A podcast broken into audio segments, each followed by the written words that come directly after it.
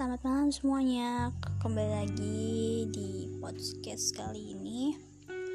Aku ingin menceritakan tentang sedikit Cerita. Uh, Gimana sih rasanya Kalau misalnya kalian Mencintai seseorang Tapi hanya bertepuk sebelah tangan? Pasti sakit banget ya kan?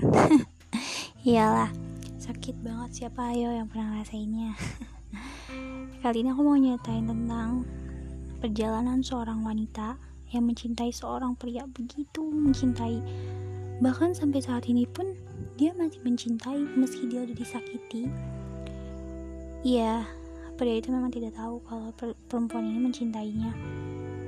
Tapi karena perempuan ini tidak mau bersuara sedikit pun dia nggak mau kalau pria itu tahu kalau si cewek itu mencintai cewek itu nggak mau prianya tahu kalau dia mencintai.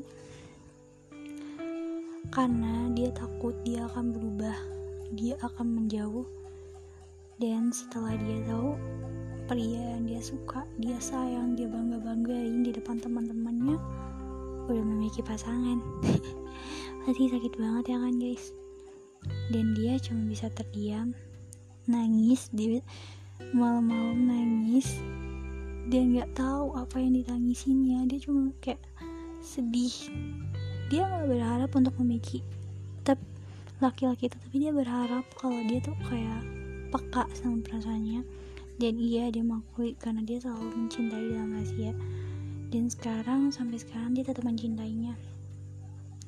Dia kata dia dia senang mencintai. Hanya diam-diam karena dia cuma ingin melihat seseorang yang dia sayang bahagia meski gak sama dia. Dan pesan aku kali ini kalau menurut kalian kalau kalian ada pasangan atau pernah ngalamin kayak cerita kayak gini kalau kalian punya pasangan terus pasangannya itu pantas diperjuangin perjuangin. Jika enggak jangan diperjuangin. Dan kalau kalian suka sama orang lebih baik kalian tuh ngomong ya jangan nyampe mencintai dalam diam itu sakit loh. Seakan-akan kalian tuh nggak dihargain. Kayak angin yang nggak ada apa-apanya sekali. Hembusan doang. Dan nggak dianggap hadir. Itu sakit banget. Dan buat kalian jangan lupa tersenyum malam ini. Makasih